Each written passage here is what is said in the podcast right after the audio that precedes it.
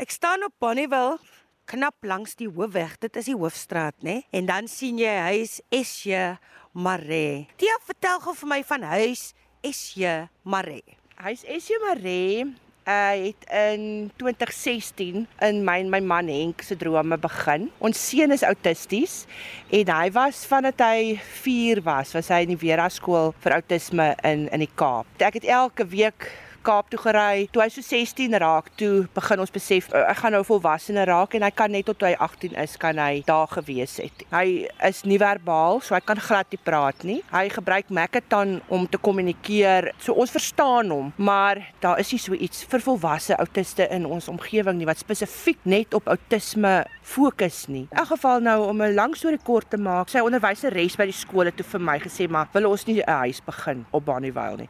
Omdat ons omgewing so ongelooflik ondersteunend is. Hulle is van altyd af vir Tia net verstaan. Ek kan in die spar instap, hulle verstaan. Hy praat nie 'n woord nie, maar hulle weet Tia nou van chips. So het ons toe nou maar begin. Ons het letterlik was 'n gebedssaak. Ons het nie geld gehad nie en ons het 'n trust gestig met 'n paar besigheidsmense in die dorp paar vriende, familie. Ons is so 6, 7 trustees. Toe eendag toe kom 'n vriend van ons. Ons die plek het ons die huis het ons nou um geïdentifiseer as nou 'n absolute perfekte plek vir dit omdat dit in amper soos 'n plot is, is op 'n hektaar stuk grond. En wat was dit net 'n woonhuis? Dit was 'n woonhuis van die ou dokter. Sy um spreekkamers was hier in die ou daar. Hy huis is in 1937 gebou. Pragtige ou bome en die naam van die huis um die wonderlike dierbare vriend van ons. Ons het die huis in 2019 aan die gang gekry as en in September is sy seun Essie Marie dood in 'n motorongeluk. Essie was 'n wonderlike kind. Hy was 'n jaar ouer as my oudste seun saam met hom op skool. En ons het dit gevoel dis die dis die regte ding om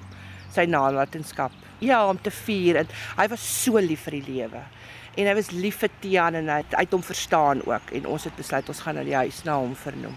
Ek vra vir Tia toe ons hier optrek en ek sê sy praat van beeste en 'n skaap of skapies, maar ek sien daar's hulle. Hulle wy hierso. Verduidelik nou gou, is dit deel van die terapie? Ja, ja, dit was een van ons van ons groot dinge. Ons wil graag hê ons moet selffunksionerend wees. So die plek wat ons gekoop het het 'n het 'n lekker um kamp gehad eintlik vir 'n perd en dit is die ou stalle wat jy nou kan sien hier so in jou ja. in jou regterkant. Toe het ons nou gesien maar dis nou die perfekte plek om hoenders aan te hou, skape en dan in die oggende is dit nou deel van die terapie. Uh, ek sou sê dis terapie want dit is deel van ons manne se program elke oggend om die hoenders oop te maak, vir hulle kos te gee van die van die kombuisafval gee ons vir die hoenders eiers dat hulle lekker kan skrob, eiers uithaal. Ons verkoop die eiers aan die plaaslike gemeenskap. In die laaste 2 maande het ons 5 lammetjies gekry. Ons het 'n groentetuin wat ons wat ons hierso aan die kant ook hulle help die groente plant.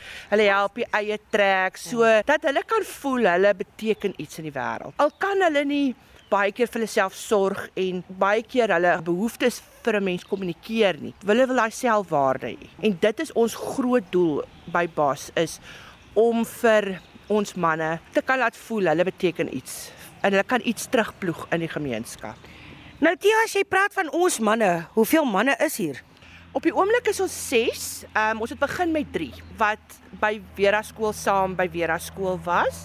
En so het ons nou maar met met met tyd het mense ons gekontak wat ons maar deur Facebook gesien het en agtergekom het. Op die oomblik is ons nou 6 en dan die oudste een is 30 soos ons op hierdie stadium sit 'n paar jong manne in hulle vroeë 20s. Hoekom is dit so dat daar nie sorg of plekke is vir autistiese volwassenes nie? Wie ek weet self nie. Ek kry die gevoel mense dink amper dis net kinders wat autisties is. Daar word baie klem gelê op op autisme die laaste tyd, maar dit gaan altyd oor kinders en oor versorging, maar as dit nou kom as hulle 18 is, dan kan hulle nie meer na skool toe gaan nie en dan mm. raak hulle hulle hulle val tussen die krake. Hulle gaan maar terug na hulle huise toe. En dis die ding met outisme, hy het heeltyd stimulasie nodig. Mm. So as hulle nou gaan na 18 na die huis toe gaan. Wat gaan hulle doen? Hulle gaan doen net wat hulle eintlik wil heeltyd doen. As hulle 'n fiksasie het met 'n game of 'n dingie uh, sê net maar PlayStation of tablet of iets. Hulle gaan dis al wat hulle gaan wil doen.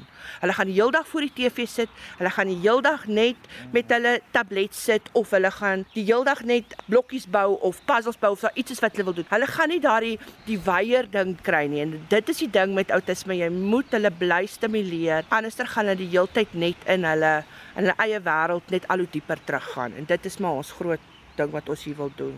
Weet jy, ek kan verstaan Tia, hoekom dit so fantasties is vir die gemoed dan van hierdie jong manne. Ja. Want die omgewing, kyk die bome, o, oh, dis lieflik, die diere. En soos jy sê, mens moet hulle gestimuleer hou. Agter is hier nou nog 'n swembad. Dit was 'n ou um, opgaardam, kom van die lei voor af. Ons het mos 'n wonderlike lei voor Ah. die bo. So dit is nou voor water wat nou afkom en dit was half soos 'n bufferdam vir vir besproeiing. En ons het toe nou net besef ag uh, ons manne het 'n swembad nodig. So dit was daar. Ons het hom maar net uitgeverf en 'n trappies ingebou en is gelukkig lekker vlak. Dit is nie te vlak dat hulle nou nie lekker kan swem nie, maar dit is veilig genoeg dat hulle nie almal kan nog staan. So hulle is nou in die somer elke dag aan die water. Hulle geniet dit verskriklik. Ehm um, ons het vier versorgers en dan het ons 'n huishoudster en 'n en 'n tuinman met 'n instandhoudingspersoon. Elke tweede week kom 'n uh, konsultant na ons toe. Sy was sy was al die jare onderwyseres by die Vera skool en sy het, is nou afgetree. So sy doen basies opleiding met ons in met ons met ons versorgers om vir hulle te leer hoe om met ons manne te werk. Weet jy dit pragtig? Nog 'n keer? En laaste keer? Laaste keer? Laaste keer? Mag jy Brendan 10? 10 10 10. Wat op? As ons nou praat van uitdagings, wat is vir jou nog uitdagend? Oeh, finansies is die groot uitdaging om elke maand deur te kom want dis groot manne, hulle eet 'n klomp kos. Uh die huis, jy kan sien is 'n groot groot perseel wat moet versorg word en ons moet die paaiement nog elke maand betaal. Daar's altyd uitdagings. Die ander uitdaging is outisme is maar 'n onvoorspelbare ding en en daar is 'n spektrum. So dit is maar die groot ding. Party is party daar staan net nie goed op 'n goeie voet op nie en dan moet hulle maar maar mooi versorg word en mooi gekyk word dat hulle nou nie uittak en een raak kwaad vir die ander ene en daai tipe van dinge nie. So ons leer konstant. Wat is jou drome vir hierdie plek waar ons vandag staan? Ons groot droom is om dit amper soos ek sê 'n 'n 'n as ek dit nou die Engelse woord kan gebruik, 'n village te maak. Ek en Henk het van die begin af gesê, ons wil nie 'n instansie wees of 'n inrigting nie. Ons wil 'n huis wees waar hulle veilig voel, waar hulle gelukkig voel, waar hulle verstaan word. Dis die groot ding waar hulle verstaan word.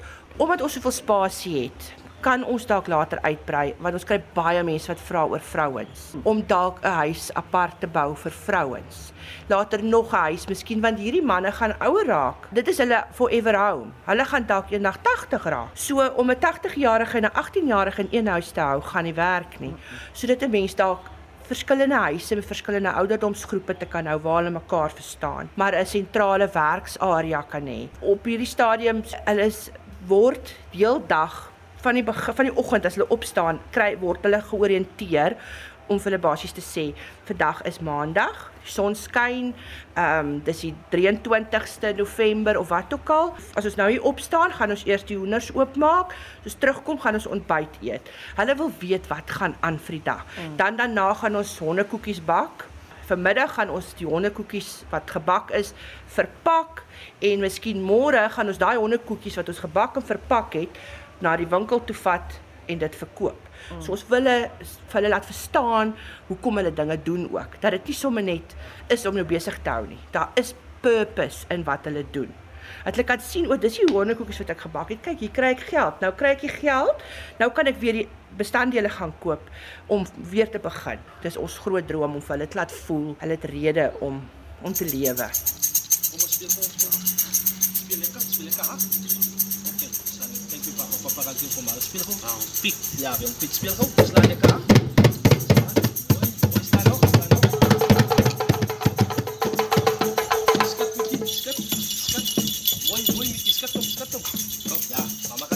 Wat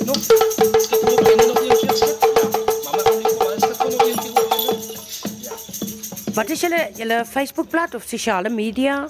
Ehm um, Bonnievale Autisme Sorgsentrum. Ons is op Facebook. Uh, ons is baie baie op Facebook. So ons probeer ten minste elke week ietsie te post. Ons ons groot ding is nog om 'n webtuiste aan die gang te sit. Op die oomblik is ons maar op Facebook, so mense kan ons op Facebook gaan kyk. En weet jy, ek kan in iemand se oë sien en in iemand se stem hoor wanneer hulle werklike hart en 'n passie het vir iets. En ek kan dit hoor in jou stem en ek kan dit sien in jou oë en ek weet jy het nog baie drome en ek wil vir jou sê ek ek hoop dit gaan goed vorentoe. Miskien het jy 'n boodskap van hoop. Ek vra altyd vir mense om vir ander 'n boodskap van hoop te gee. Sjoe, Heidi, ja, dankie. Wie jy daar's altyd hoop. Iets wat ek uh geleer het deur die jare met my seun. Daar's altyd iets om voor dankbaar te wees. Daar's goeie mense in die lewe. Al dink jy nie altyd so nie, al voel jy partykeer wat ek kan toe, daar's goeie mense en ons het nou met Baas gesien. Die Here was verskriklik goed vir ons want ons het op 'n stadium nie geweet wat ek kan doen nie en hy het net op die regte tyd die regte ding vir ons laat gebeur en dit gebeur nog steeds elke dag. Plant hier, plant, plant, plant, plant.